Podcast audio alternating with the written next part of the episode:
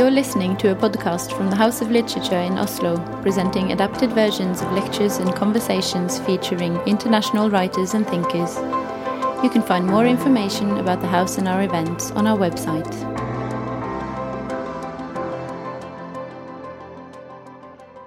Good evening, everyone, and welcome back to the future, or forwards towards the past, in tonight's event with South African writer Masande Ntshanga. My name is Daniel Rökolt, and I work with the artistic program here at the House of Literature. I knew that I wanted to write about apartheid using science fiction to emphasize those elements of it that were surreal or hard to believe, Ntshanga has said. And in his novel Triangulum, he does just that. In a story alternating between the 1990s and early 2000s on the one hand, and 20 years into the future on the other, Ntshanga explores South Africa's dark past and how it continues to shape the present, while also imagining a dystopian future, all told through the lives of a girl that may or may not have special powers. Masande Ntshanga is one of the most exciting new literary voices coming out of South Africa today. His debut novel, The Reactive, won him the Betty Trask Award, while Triangulum was nominated for the Ilube Nommo Award for Best Speculative Fiction Novel by an African. His latest publication is a chapbook of poetry and short stories called Native Life in the Third Millennium. And joining Ntshanga on stage tonight is Julia Wiedlocha. She is a literary translator and founder of the sci fi oriented publisher Meteor. Please give them both a warm welcome.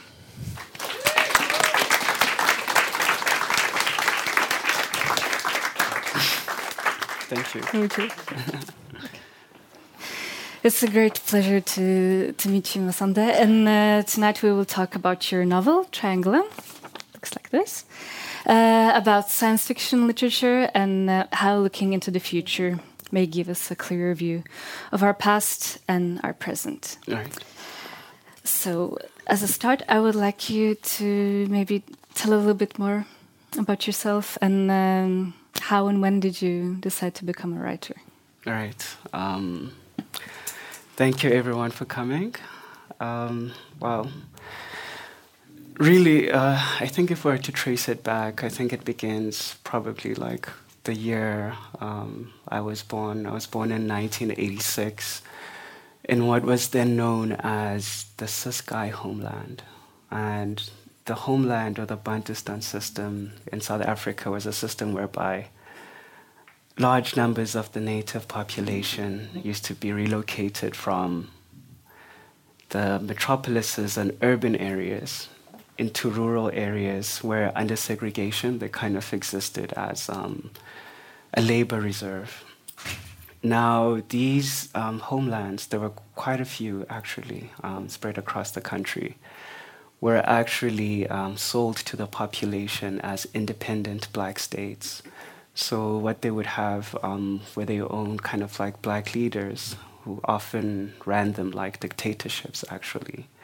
And they didn't really have a functional economy, but instead um, were kept aloft, I suppose, um, by what was then known as white South Africa mm. for the purposes of maintaining the segregation. Mm.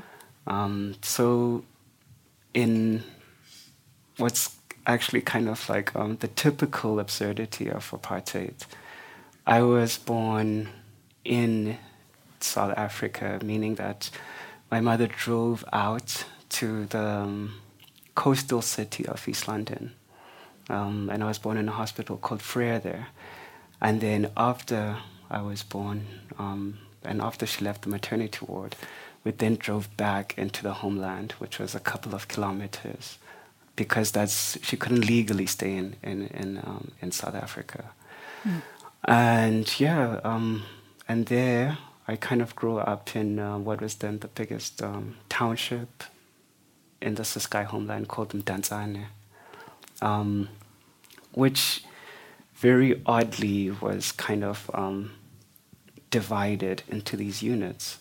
So my mom had a house in NU1, and NU stood for Native Unit. So I think just that is something that's kind of like never left me, and I think um, I go on to like speak further about it. But just that categorization of human beings into like units and instead of like human beings, but like just units of labor um, arranged a particular way, um, always kind of stuck with me. Mm. Um, 1986 is also the year that uh, South Africa was under the, um, a state of emergency. Mm. And my mom, um, she was a journalist and um, a single mom at the time. And so the more things um, became heated during apartheid. And this is even during the um, interregnum, which is this pause, the space between the regime change, um, between the National Party and the liberation government. Um, there was a high spike in violence during that time as well. And so she had to figure out ways to keep me safe, mm. you hmm. know. We used to get warned all the time about not approaching strange packages that were lying on the street because they might contain explosives.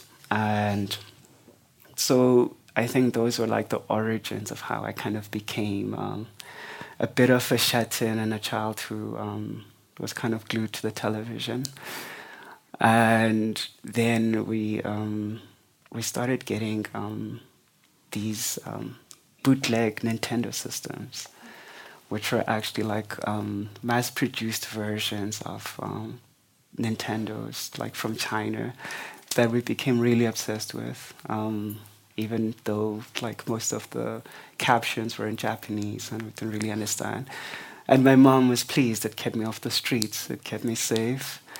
And I think um, that's when actually I became really interested in narrative for the first mm. time.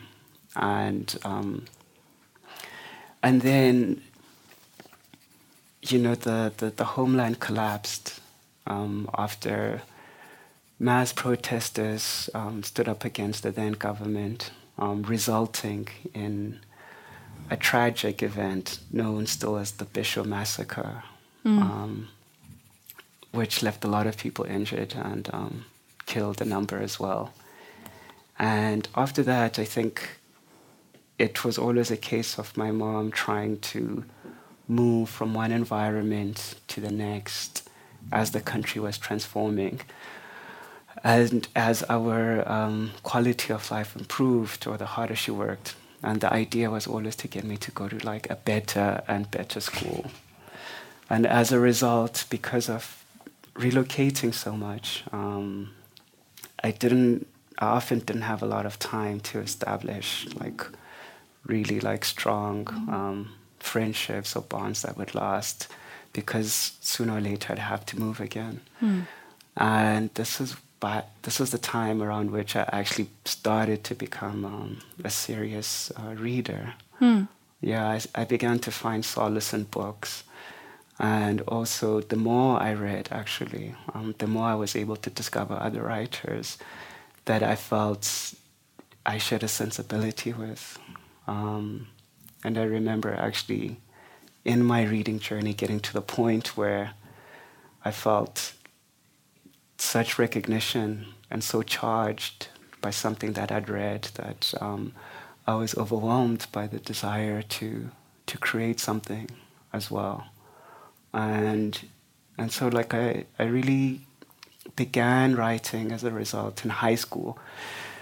And by the time I was um, in the 12th grade, what we call matric, uh, I published my first story.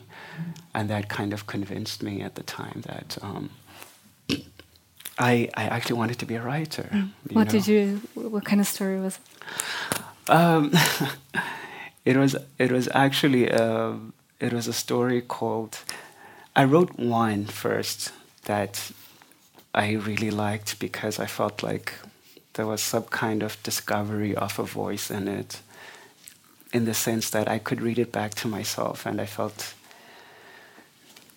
there was a certain quality to it that felt alien even to me. You know, the same way that you kind of experience a book that's written by someone else and printed. And I think what that was in retrospect was that my own um, self consciousness or like the pretensions that a young writer has had kind of um, had lifted. and instead there was like um, this reflection of what I what I truly, you know, felt like and how I experienced and saw the world. And so that was a story that I finished at 16 called Electrons. And then um, the story that got published um, when I was in matric was a story about, you know, um, I suppose like disaffected post-apartheid youth um, who were still feeling a sense of alienation, even though they had not been under the subjugation that their parents had been under. But just because of how accelerated everything had been, you know, after the fall of apartheid, and the inequality that still existed, and um, what was beginning to reveal itself as like this discrepancy between this vision of hope and actually like um, a country that was in deep need of spiritual, psychological, and um, economic recovery, you know. And yeah, so that was the first story mm. I finished. Not very cheerful, but um, it kind of um, it, it set me down on this path where I felt because previously a lot of the material that I was reading, that I was inspired by, um, was from all over the world. And it's where I, I, began to pick up techniques as a writer. But it was still a challenge for me to kind of to, to, to learn all of those techniques and then to apply them um, not only to South Africa, but to my experience of South Africa, mm. which wasn't a, something that I had seen largely represented in the literature that I'd read. Mm. Um, our literature was very um, was incredibly serious. Um, it was written with a lot of anger against the regime, and it was also like very heavy, you know, with messaging, and it didn't really leave a lot of room uh, for characters who perhaps didn't ha- have that stronger sense of conviction, and were dealing with things like alienation, um, and just kind of like the pains of growing up you know, as a young person. And so it, my goal was to incorporate the techniques that I'd learned, this position that I was in that I felt was unique, and then finally, you know, to mm-hmm. reconcile with our literary history, which has quite a number of grades. And um, so that story kind of set me along this path of um, being a writer that tries to be true to my sensibility, but also to be socially engaged. Mm. Um, as painful as sometimes that that could be, actually. Yeah. Do you think like uh, other writers in your generation may experience something similar? Um, sure. You know, um, I think this kind of exploration actually begins with the generation just before mine, mm. um, with um, Gen X actually. In particular, uh, a South African writer known as uh, K. Sello Duiker, who died tragically young by his own hand in 2005. And um, yeah, he was kind of dealing with this clash mm. that we were seeing as the country was now becoming cohesive you know, and there was this um, this tension between what could be perceived as the modern and the tradition, you know, which are also like cultural discrepancies, discrepancies in worldview and ideology, and um, also how each of these cultures that had been kept separate were actually forced into a state of evolution and intermingling even though um, in some senses perhaps they were underprepared and people were also in a way underprepared.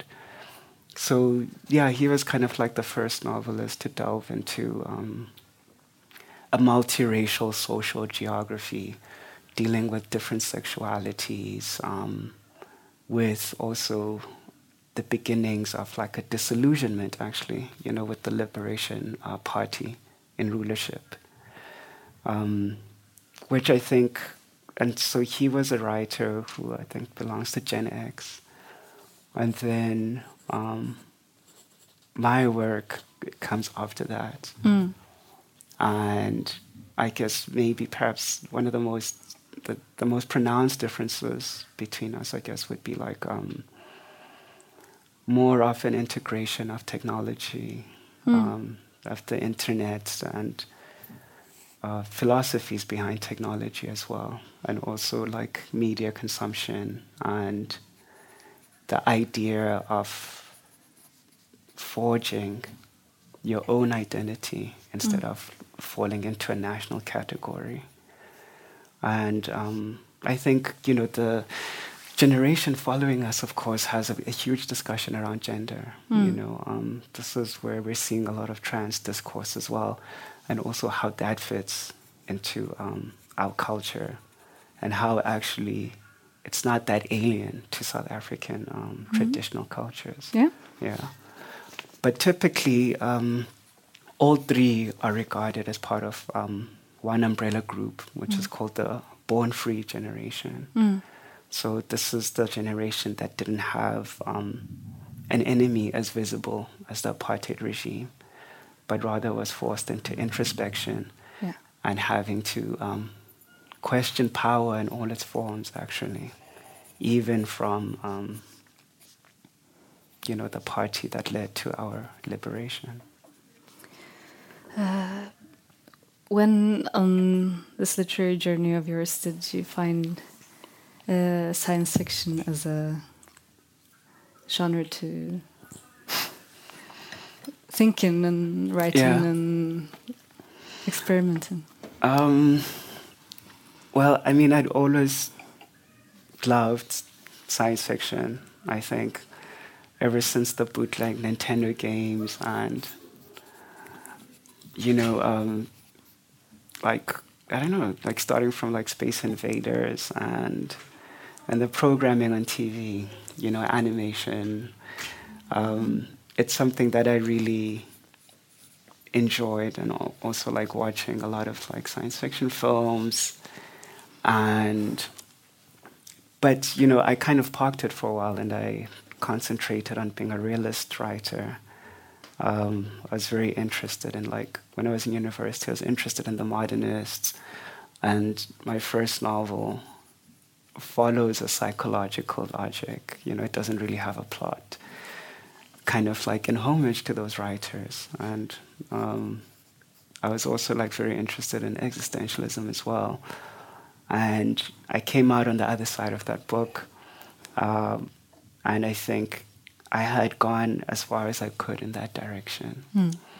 And in some ways, it had been a difficult book to write. You know, um, the reactive was kind of about me coming to terms with um, my position in South Africa um, and our kind of so-called rainbow nation, and also really as a young person interrogating what my purpose was and kind of um, facing down fears of my own mortality. And so I wrote that book, I finished it. Um, it found its readers, and I was, you know, quite happy with it. But when I, I began um, working on my second book, this one, um, I also realized that, you know, I'd also really been interested in postmodernism as well, you know, and intertextuality and taking different texts, creating an almost um, a pastiche. And also, I wanted to reintroduce play into my into my practice.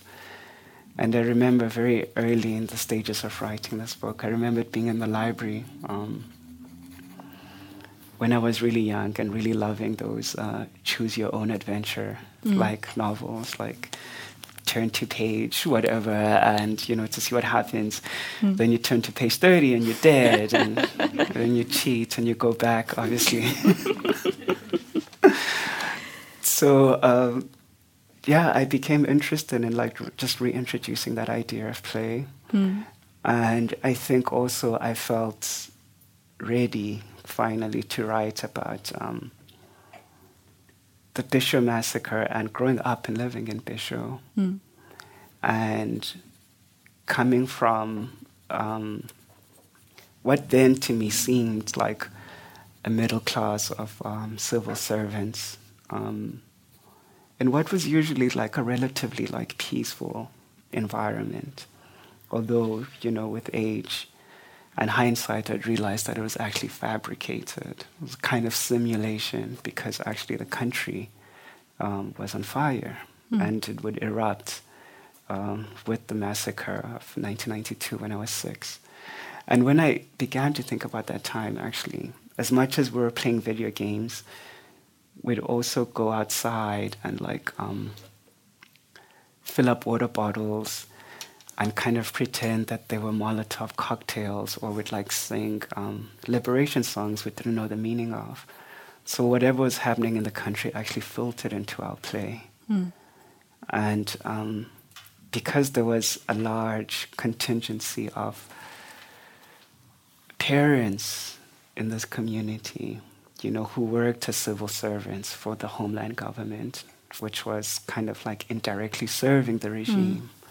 After it collapsed, um, it became something that was very difficult for the community to talk about. And there was this kind of conspiracy of silence around it, you know, um, and it ended very badly as well.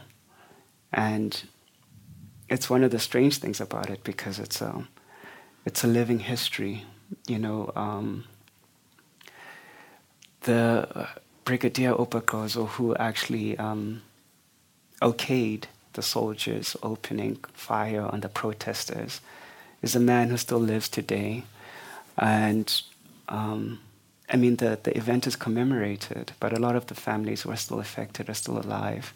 So it's, it's, it's a living history. And the more I kind of um, progressed in my own writing journey, I, I came to the realization that not a lot of people had written literature about this, Mm. um, about the homeland system, or even what had happened in Bisho.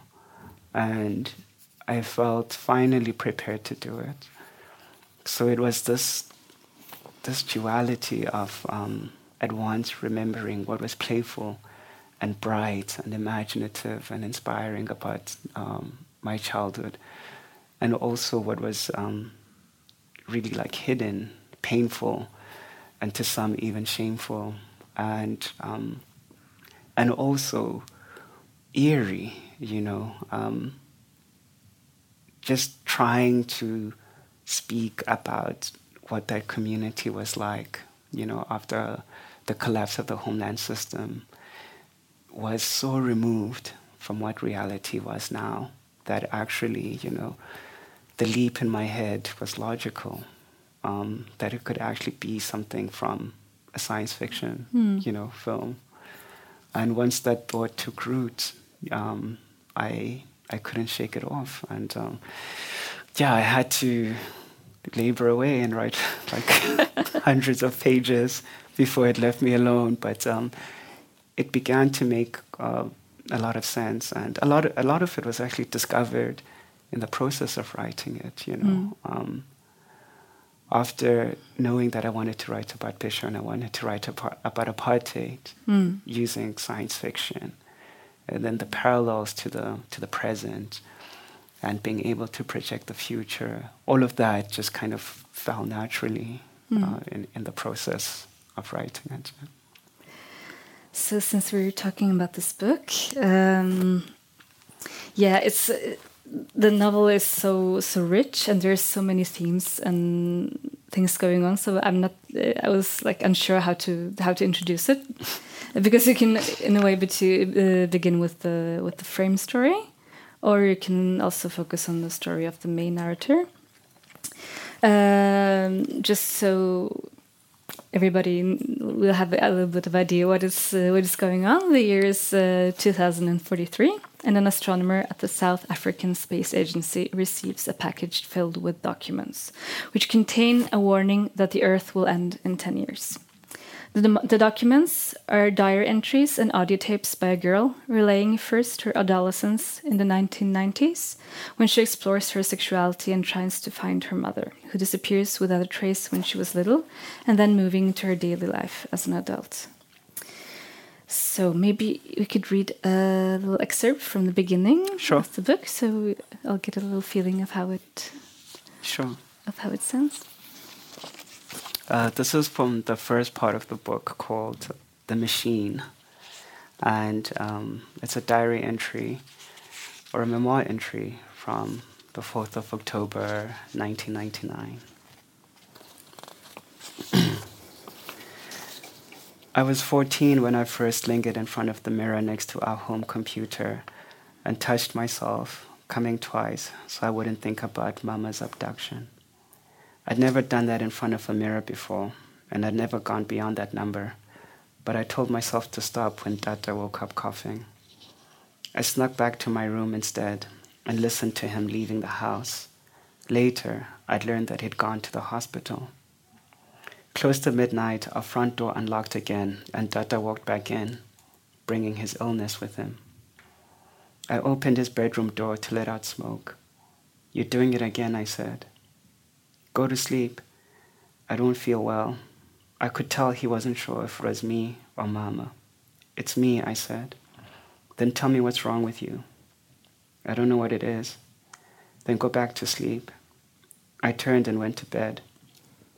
I could still smell the cigarette smoke seeping out from his room. I sat up in bed, measuring my breathing so he wouldn't know I was awake, waiting for him to fall asleep. Lying back, I looked up at the ceiling and thought about how, 42 years ago, the Soviet Union had launched Sputnik 1, the world's first artificial satellite, into orbit. Not that Dada would have cared. Although he had a degree, it was in agriculture from a farming college in the mid 70s. I closed my eyes, feeling cold as the bed sheets bunched up behind me, and I remember at a time when I'd felt a pain similar to his in magnitude at least.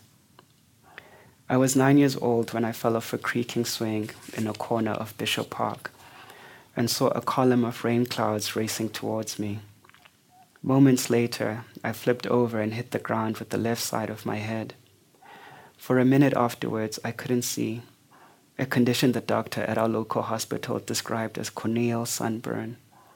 It happened when I was lying on my back in the park, unable to move staring directly into the sun as my head rolled over and everything went dark.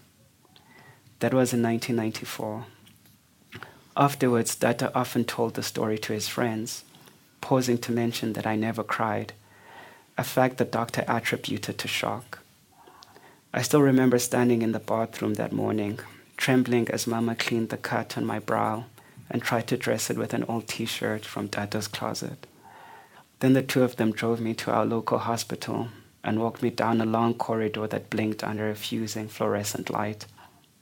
I got stitched seven times, prescribed 500 milligrams of paracetamol, and given a week off school. I wasn't concussed, but for the first few days, being home felt different. My parents tottered around the house, silhouetted against the ceiling light, their shadows providing me with care, Vicks vapor rub, minestrone soup, and continental pillows. Through all their efforts and between fevers, I lay on my back, hearing their voices as if from the inside of a bunker, a booming echo that preceded each one's presence inside the bedroom or the lounge, where I either slept or sat absorbing blurs of television without sound. Mama, a counselor at the University of Fort Hare, had been a communications officer for the homeland government and liked to leave our TV turned to the news. That Saturday, when my vision healed, I spent the afternoon drifting in and out of sleep in front of different news reports, waking up to broadcasts of conflicts in countries whose names I couldn't pronounce. In the evening, Mama joined me on the sofa, stroked my neck, and felt my forehead, then settled back to watch the explosions flicker into clouds of dust and fire with me the two of us silenced. The following summer, she went missing, and four years later, Dada returned coughing from a different hospital in a different town. Often I'd wonder what connected us that afternoon as we watched the bloodshed in Mogadishu together. If that was when I inherited the machine, as one doctor would later suggest, although he didn't seem to know much about it.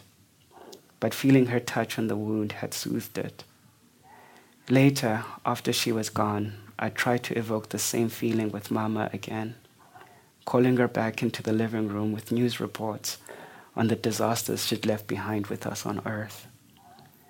With Dada asleep, I opened my eyes and breathed out again, absorbing the newfound warmth in my sheets. I could no longer hear him coughing, our house having grown still, as if the two of us had been interred inside a capsule and sent out into deep space to freeze. Maybe on a mission to find her, I thought, but how would he know that? Then I began to drift off too, thinking about Sputnik and it pre- thinking about how Sputnik had persisted for three weeks after its batteries gave out. The satellite had floated alone in the dark for two months before falling back to Earth, which I took as evidence that things came back down in the end, including Mama. Thank you. Sure. Um, should I carry on with the recording? I think so. Okay, Yeah. great. Um, so this next part jumps to another timeline in the novel, which is in 2035, actually. But what's happening is that the narrator has been put under um, regression therapy. So it's a recording of her rec- recalling um, her life as a 16, 17 year old in 2002 um, a recording taken in 2035. Um, regression therapy recording 001, date of recollection 2805 2002, date of recording 2006 2035, duration 4 minutes, format monologue. Ever since I got put on medication, I've been thought of as defective. That's what people decide about me. In the eighth grade at my law school, I was asked to join the debate team after I saw a speech coach. My grades were good, but I needed self confidence. I didn't speak enough, and when I did, it was hard to discern how I felt. That's what my English teacher said. The speech coach taught me how to gesture, maintain eye contact, correct my posture, and project my voice, but I didn't join the team in the end. I was diagnosed with reduced affect display or emotional blunting, my doctor said, from the medication he'd prescribed to me when I was 12. It meant I couldn't express my emotional responses as well as most people. It wasn't an uncommon side effect, he said, with lots of patients learning to live with it.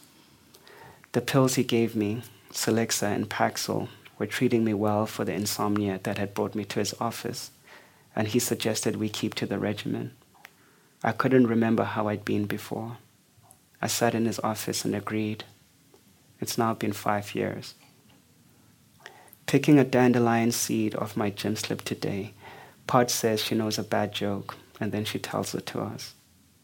The thing with reality, she says, people used to have the sense for it, but now they don't buy it. Pausing for a moment, she says she means sense. the three of us laugh. It's the end of May, a month before our winter break, and I've just got out of detention. My second one since I stopped being a student monitor in junior high. Litha bends down to loosen his laces and sighs. Maybe heaven is dead, he says. At home later, with my earphones on, I try to sleep, but I don't. Instead, I find myself standing in front of our bathroom mirror at 1 a.m. I weigh 45 kilograms from having had rails on both of my jaws for an underbite, and the mirror reflects my cheekbones, my neck, my lips, my hair. It needs to be braided again, I think, although it's still neat. In the living room, I switch on the TV and find an, an infomercial for a range of pans. An old man in a chef's tunic uses a non-stick casserole, to caramelize sugar over a low flame. He pours it into a cereal bowl and his audience claps. I switch it off. In my bedroom, I open a drawer and take out a makeup mirror and magnifying glass. I tilt the mirror on its stand until it fills up with the reflection of the moon through the parted curtains. Angling the lens over the rock surface, I count the craters that mark its damage until I fall asleep. Thank you. Sure. So I was wondering, um, in this part, which is the the manuscript written by the narrator, uh, why did you choose to have the, both this kind of uh, memoir and the the recording, like intertwined? Um, why did I decide to have um, the um, the novella in the middle and or the recordings and the memoir? Yeah, I like this that you're departing from this kind of linear uh, storytelling. So you have this, uh, you have the narrator uh, telling her story from like once when she's uh, like in the 90s and then when Yeah. recalling her memories from like 10 years Yeah. later. So it's a kind of interesting Yeah, yeah. thing to do. um, Mm. Um, multiple reasons. Yeah. Uh, I, I have to admit that one of them, I guess I'll start with this one, is it, it is a little bit of a petty writerly reason. Uh, because after I had finished uh, my Mm. first novel, a lot of people praised it for the language, but I often got slapped on the wrist for not um, being able to, to write a plot like beautiful language, but it needs to learn how to tell a story. And and so I, I think there was some part of me that took that personally, and I was like, you know what? I I'm not going to just write one. I'm going to write three stories in one book. Um, but really, I I mean, I I was interested in each timeline.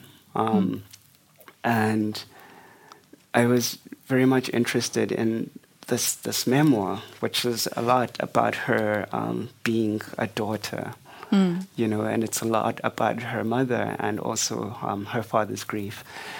And I was also interested in the 2002 timeline um, because it had a lot to do with um, like this un- under-documented like epoch in like South African history, especially as a young person which is like the early 2000s. And I wanted that also to be um, contained. And then, of course, uh, with Five Weeks um, in the Plague, the, the novella of autofiction that is actually written by the narrator, Mm. um, was where I was able to do um, my most speculative writing about um, my concerns really about like capitalism and climate and how those two intersect, you know, with the third world. And I also wanted that to be contained.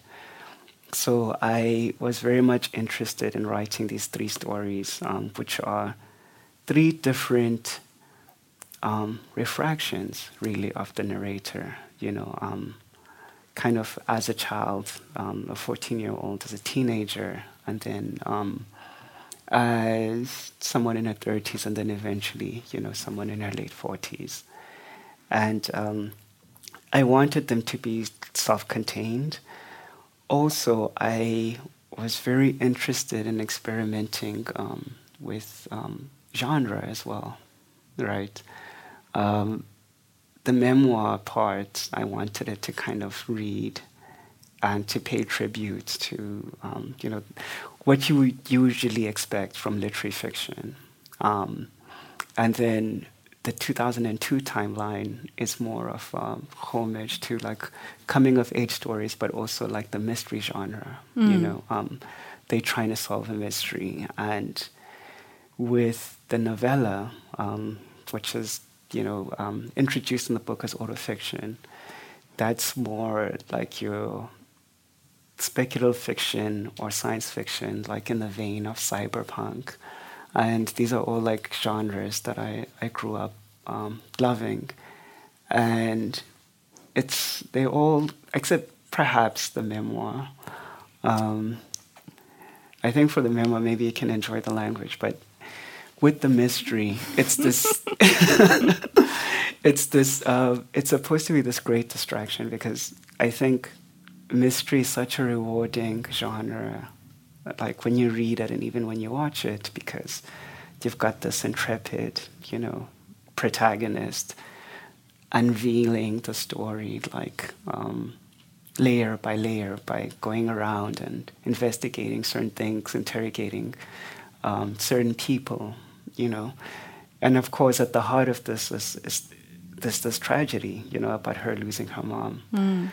But her and her friends can cast it as this kind of adventure that we go on, and um, we can go along with them until you know this this realization, which for me kind of is is a lot like growing up, really, and. Um, with the memoir, I guess it needed that kind of um, retrospective wisdom um, of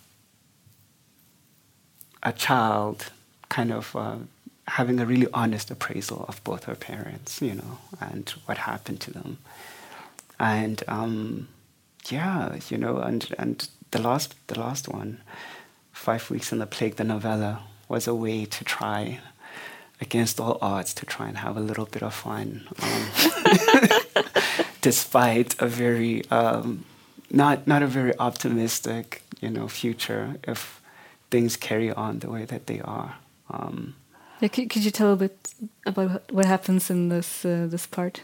It's uh, kind yeah. of bleak. yeah. So, so um, the novella really is um, where this warning that the book has um, about the end of the world in 2050 um, really comes to life. So the book is a collection of writings and recordings by the narrator. And the most coded a part of the book is the, is the novella. And that's the one that actually speaks to her, um, her reality at the time.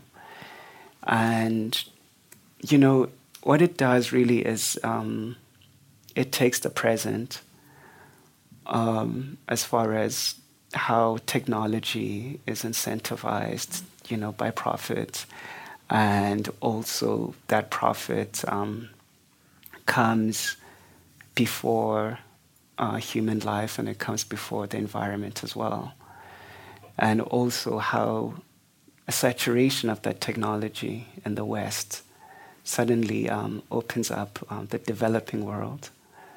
Um, as um, a new and kind of like fertile uh, uh, playground, and often comes bearing gifts.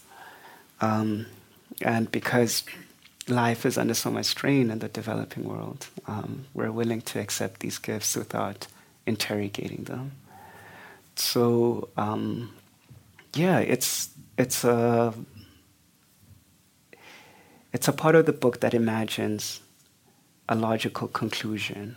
Um, if you know, like late stage capitalism really does um, triumph at the cost of everything else, which would probably mean um, for us, I guess, lessened um, government regulation, um, less of a lean towards our like social democracy to like a hyper competitive uh, capitalist landscape.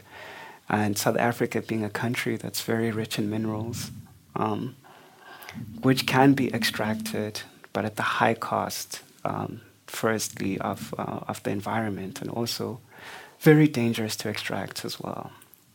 So this imagines a world where um, there are no regulations preventing major corporations from extracting what they need from the land and also from the population. And in fact, um, parts of the country are sold to corporations actually. And that is because of its own kind of um, collapse economically. And so it imagines um, a near future where there is um, this value that is um, put on data that is extracted from people without consent, and also um, an open market in terms of um, extracting minerals from the earth at whatever cost. And then it, this is also the part of the book where these two groups emerge um, who have who go against the system but in different ways you know? So the one group call themselves the returners and there are people who believe that the industrial revolution was a mistake.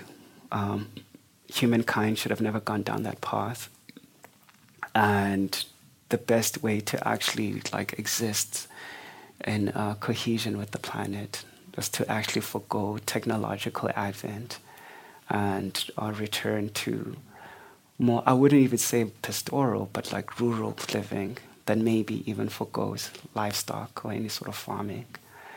And um, the other group are called the tank, and they believe um, that there is no going back. And instead, in order to liberate people and to save what remains of the planet, um, they have to be more sophisticated than the system and they have to outsmart it by subverting its tools. And that's what can lead to like a more peaceful um, future. And yeah, and, and so as, as, as these groups emerged and these characters emerged, and um, one of the things that happens in the book, of course, is that it almost becomes um, like a spy thriller. You have one member of one group infiltrating another. And I think, you know, that osmosis between the two also kind of, now that I think about it, you know, is a display of my own ambivalence because mm. I do not know actually, um, you know, what way would be most profitable for humankind. But was I was just merely posing the question. You know. Would you like to read a little bit from this? Sure. This um, I'm going to read.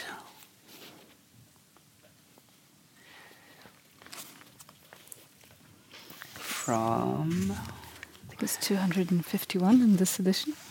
Oh, is it? Yes, yes, of course. yeah, there, are uh, three editions of the book, uh, which was actually a. Um, another really fun thing to do because when the book gets um, introduced, like in the introduction, Dr. Naomi Buthelezi talks about its tricontinental publication. And that was like a detail I added very late when I realized that um, it'll be published in South Africa, the UK, and the United States at the same time. It's very nice. Yeah. um, so in this part, the, the narrator has been courted by this group called the Tank, mainly comprised of um, hackers who kind of um, live in this uh, dystopian near future South Africa um, that we were just talking about. The room was located below ground. It felt like it too, from the heat it was divided into three sections and shaped like a gel capsule with a curved ceiling. It was awash in amber light that blended with the blue tint of computer screens. Those were present in numbers, each unit plugged into a workstation built against the wall. Mark led me to a break room at the rear where four of his people had gathered. He was curt with them. He introduced me as a covert agent explaining that personal inquiries were, about me were not permitted. They nodded. It was not an unfamiliar ritual. I decided to return the favor. I didn't ask for a name if none was offered, and I didn't initiate conversation. Instead, for the next half hour, we drank and spoke around a steel table, as solemn as generals frowning over battle plans. I couldn't follow most of the conversation, but I retained what I could. For example, I learned that the tank got its name from this bunker we were standing in, where it was founded. It was a cell of converts. Two were former data brokers. One was a cybersecurity specialist, and the fourth, a man with a thick black mustache, introduced himself as a legal consultant. The rest equal numbers male and female, were black hat hackers hunched anonymously over the workstations outside the break room. Each had defected from a different cell in order to follow Mark's cause. As the night wore on, I suspected they'd retained all their motives too. The bunker doubled up as the base of a state sponsored hacker cell, I learned, a new initiative from the Department of Defense, a gray site still in its beta phase, and run by Mark. He'd offered each hacker in the team a chance to work in the open, to breathe at long last, with expunged records and altered identities. And then he recruited them, along with their gratitude, from the government cell into the tank. He kept the same address. He made use of the same resources. I watched him command the table. Here's the thing, he said. There's no salvation in regression. That's the pattern of evolution. It's unidirectional. He was speaking to one of the former data brokers. The man had asked him about the possibility of working with a new eco terrorist group in Cape Town, environmentalists with anti tech leanings, if there might be strength in numbers. Mark frowned, wanting to brush the question off. Here's what I mean. He took a long breath. Fine, let's put an end to information humankind has to find a new organizing principle. Am I right? The data set would remain the same. That's, would be, that's what would be at our disposal the cumulative knowledge of humankind's past and projected future, which is what we have now. That would be the foundation of whatever new world we wanted to build. To advance, we have to build on more than the ruins required by a retreat from technology. To stamp on the heads of the powerful, we have to climb their cages and turn them into scaffolds. There was a chair around the table, but I couldn't help but cut in. I'm not too sure, I said. For instance, what if one applies a novelist's perspective? Take drafting. There, a text gains refinement with each iteration, but the author must be willing, first and foremost, to destroy all that's before her for a do over, if it's required. That willingness is paramount, and without it, there's a limit on how much a draft improves. Mark nodded. I like that. For a moment, he sounded like he might even mean it. I do. But in the end, the trouble lies in our bodies, doesn't it? The human mind has advanced far ahead of its vessel, its source of energy. There's also been genetic wear. He raised his hands, indicating himself. The point being, human be- humankind couldn't survive a transition back to nature, even if it wanted to, nor the time it would take to build new and egalitarian civilizations. Between our genetic weaknesses, autoimmune diseases, starch diets, immunodeficiencies, mental illnesses, and limited resources, as well as the shifting climate of a scoured planet the earth couldn't hold out for another go at us. The path backwards is extinction. I wanted to resist them, of course, to ask him if he was able to think outside the binaries he'd imposed on the experiment nature, civilization, past, future. But we were disturbed by an uproar from the workstations. A door had opened up in the left wall of the capsule. I hadn't noticed it on walking in. The hackers were cheering as they followed each other through the doorway. Mark winced as I went over to him. I apologized for the disturbance. I wanted to hear more. Thank you. How was the, this book um, received in, in South Africa? Was there any like skepticism on the, the science fiction part of it because in in Norway we still have this thing that even though we have some very good science fiction writers and some writers are starting to like being interested in speculative fiction, but yeah. it's still some kind of like there's a, it's it's uh, the the critics are still a bit critical.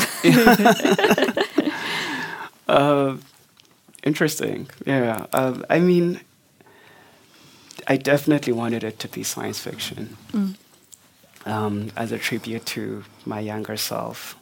And also, you know, as a, as a kind of provocation to that idea that it's, uh, it's a very unserious, you know, like genre.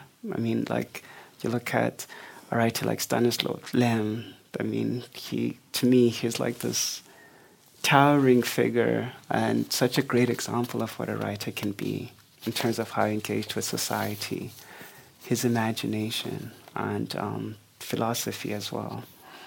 But, you know, as much as we have a really um, old literary culture and history, it's also in many ways pretty new. Mm. Um, there hasn't been nearly enough uh, science fiction novels to garner that skepticism. Mm.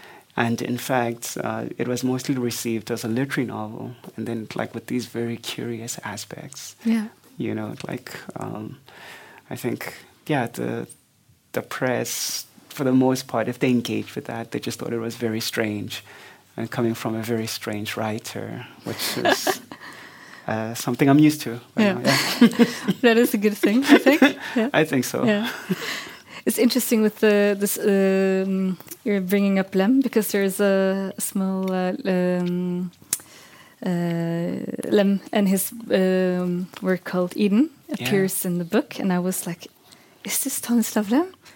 yeah, it is Stanislav. yeah, and I was really yeah, I liked it a lot, and uh, but like thinking because I'm a big fan of his work and. Uh, uh, and like working with him myself. But the um, one thing when I reading your novel is like what often I feel like reading Lem, like his his characters sometimes feel like more like symbols of moral yeah. dilemmas or representations than actual living and breathing human beings with yeah. their with their problems and um, what I really appreciated about your work is that the, the characters are really complex, nuanced, and, and human. Yeah. So it feels really like um, truthful, if you can use that kind of word. Thank you. And of course, you will, unfortunately won't find any black queer women in Lem's books.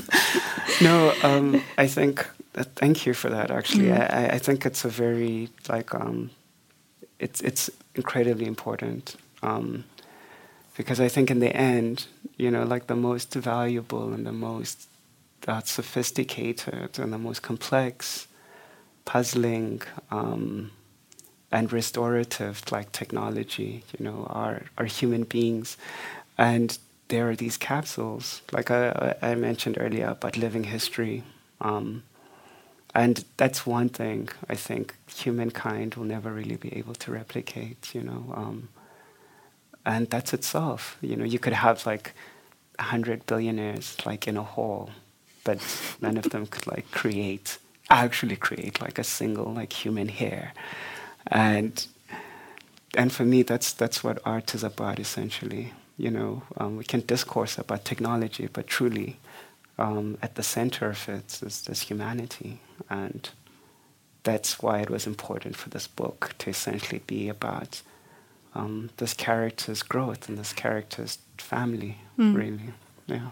Amidst an eco apocalypse. yeah, but that is life. Life is everything. Exactly. I think we have. Uh, I don't know if we have any much more time. It was. It's a great pleasure just listening to what you're saying, and there's so much more we could talk about. And Thursday you'll have a lecture, so yes, for those yes. who haven't had enough, can go and listen to that. Uh, just one last questions, uh, question. Uh, what is your next project?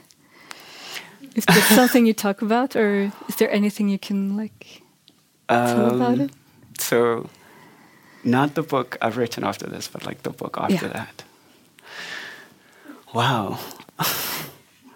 I think I'm trying. I'm trying to write a book about the beginning of the world.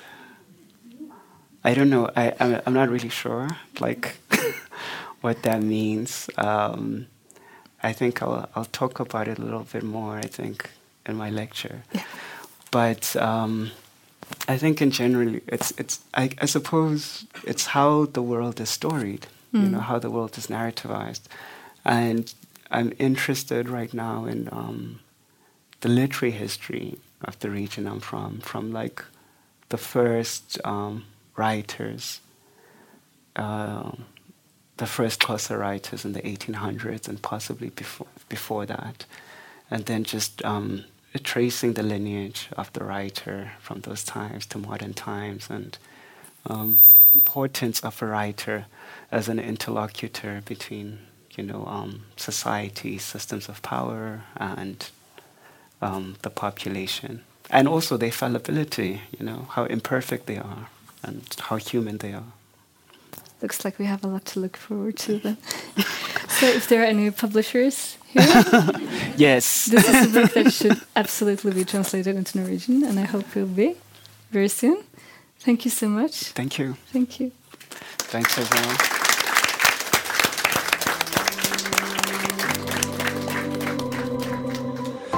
You've been listening to a podcast from the House of Literature in Oslo, presenting adapted versions of lectures and conversations featuring international writers and thinkers.